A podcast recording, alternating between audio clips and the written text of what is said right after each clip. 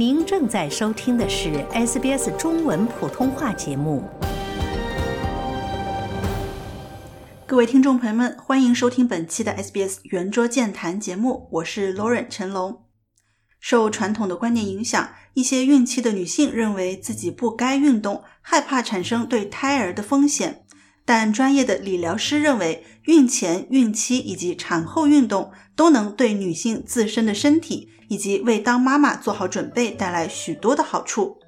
澳大利亚卫生部也表示，怀孕期间适当运动对妈妈和宝宝的健康都有很多的好处，包括帮助分娩和产后康复，降低孕期糖尿病的风险，减少背部和骨盆疼痛，降低失禁的风险。更好的维持心理健康，包括降低产后抑郁症的风险。那么，孕妈妈们适合做一些什么类型的运动？孕期运动又有什么注意事项呢？本期圆桌健谈节目嘉宾理疗师夏德曼将为大家详细讲解。根据您刚才说的，怀孕期间其实是可以适量做一些运动的。对。那孕期适量运动它有什么好处吗？它可以，首先你在怀孕的时候，整个过程中就会比较轻松一些，会觉得能量，整个人更有精神一些。啊，如果你越不动，肌肉就是用进废退；如果你越不动的话，你就觉得越难动，而且你后面你的整个人的重量越来越。因为宝宝不不断的增加重量嘛，嗯，你就会觉得走路啊都很困难，而且睡觉的时候也会不舒服。对，如果你要是做运动，整个人的精神状态都会好很多。而且因为你在运动期过程中，尤其是做一些力量训练的话，它能够帮助你刺激你这个呃腹肌一直不停的收缩放松收缩放松。如果你要是不不做运动的话，你那个腹肌就一直被撑开，撑到十个月。它就会很没有弹性，所以你生完孩子之后，很长一段时间妈妈都会觉得肚皮整个都很松弛，尤其是在家剖腹产，如果你要是双胞胎或者是宝宝那个体重宝宝体重过大的话，就会把肚皮撑得特别松弛啊。但是你在孕期做这些运动的时候，能够帮帮助你维持这个腹肌的弹性，然后产后的时候腹肌的恢复也会更快一些，相对于来说你的腰痛的风险也会低一些。那我们孕期的女性，她适合做哪些类型的运动？然后不能说哪些运动呢？您可以简单介绍一下吗？啊，首先我们是绝对不会建议去做那种极限性的运动，比如说跳伞呐，或者是滑雪呀，呃，还有蹦极呀，这种运动是肯定是不可以的。对，其实听上去好像很可可笑，但是确实有些妈妈会试着去滑雪，在怀孕的早期的时候想着去，就觉得自己因为因为她如果是想去滑雪的话，她应该是已经做过很久这样运。动他自比自己比较自信，觉得不会摔倒。但是呢，呃，为了以防万一呢，还是说绝对不会去推荐去做这种极限运动的，就是深潜啊什么的，这些也是不不推荐的。嗯，就是做一些，有些妈妈会一直跑步。如果你的盆底肌够 strong 的话，你去跑一段时间也是 OK。但是我也不会特别推荐，就是孕期的时候跑步跑很多。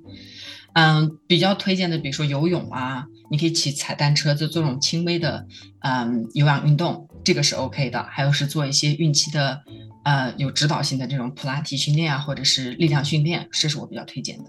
嗯，这些有指导性的训练，其实现在一些机构基本上都会有针对孕妇的一些课程，是吗？对，有的机构会提供这样的服务。嗯，那您这边有没有一些建议？就是比如说居家的一些妈妈，她们可以做一些什么样的一些呃居家运动，来让自己像您说的肌肉更加的有力吗？嗯，我应该觉得好多有些。那个 studio 他们会提供线上的这种普拉提的运动，就是用一些很简单的器械在家做力量训练也是 OK 的，或者是有一些嗯孕期的瑜伽，它也是也可以是在家自己完成的，或者是你自己买一个那种啊呃功率自行车，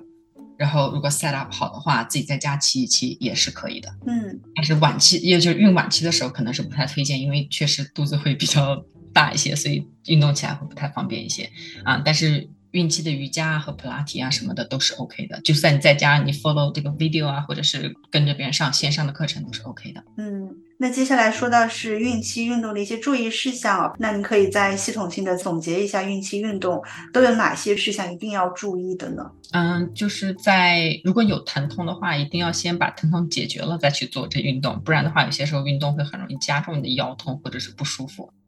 呃，运动呢，就是它大概从二十八周。之后，我们就不会建议他去平躺太久，因为躺太久的时候，那个宝宝和那个子宫都会压迫到你的那个血管，然后有可能会增加这种宝宝这种缺氧窒息的这种风险。所以呢，这种第三就是叫 third trimester，就是从二十八周之后呢，我们的大量的运动都是以坐着为主，就不会平躺，侧躺是 OK 的，但不会就是平躺太久。嗯。就是一般不要平躺，是在二十八周之后。但是你要看一些症状，如果他是平躺之后确实有感觉呼吸困难啊、头晕啊这种现象的话，有些人会在二十二周到二十八周之间也会出现这样的症状，那也是不能不建议去平躺太久的。啊，然后当然你也不能够趴着，趴着肯定会压到宝宝，也不是很安全。啊，所以呢，就是在这段期间，你最好如果是。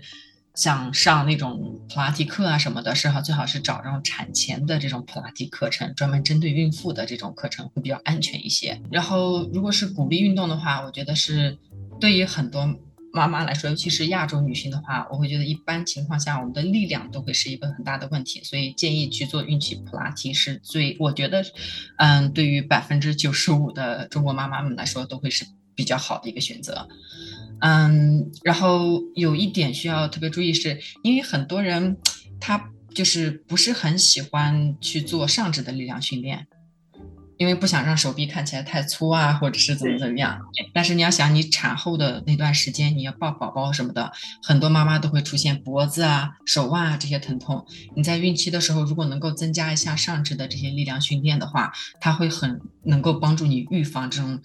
嗯，产后因为抱孩子所导致的一些头晕啊、颈椎痛啊、手腕不舒服啊这种情况。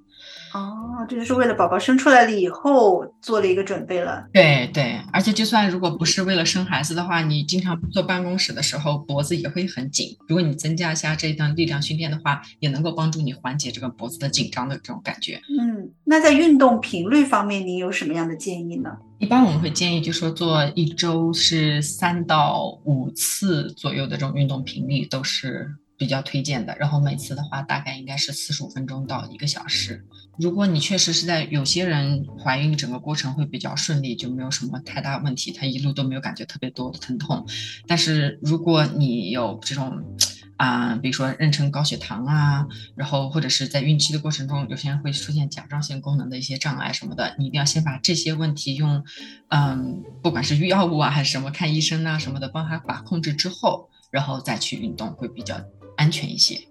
如果是怀双胞胎或多胞胎的妈妈们呢，一般都会整个孕期过程以及产后都会比较痛苦，所以这个是情况下，我会推荐一定要一定要在专业人士指导下的话再进行运动，不然的话很容易有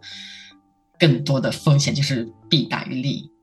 嗯，明白了。那在孕晚期方面，会不会比如说到了多少周就您会比较不建议运动了？这个是因人而异哈。但是呢，很多运动之后，你可能到三十五到三十六周左右之后，就是最后的那一个月，其实你会发现整个行动都会不太方便，然后你的骨盆呢会被撑得很大。在这段期间，如果你过多的走路啊，或者是过度运动的话，也是会导致更多的疼痛。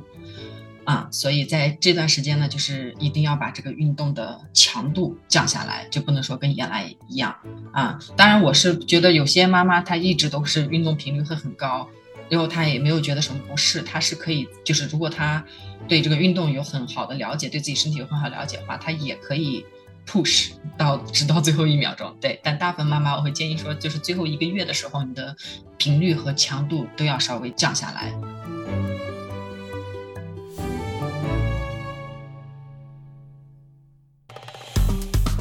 喜欢、分享、评论，欢迎您在 Facebook 上关注 SBS 普通话页面。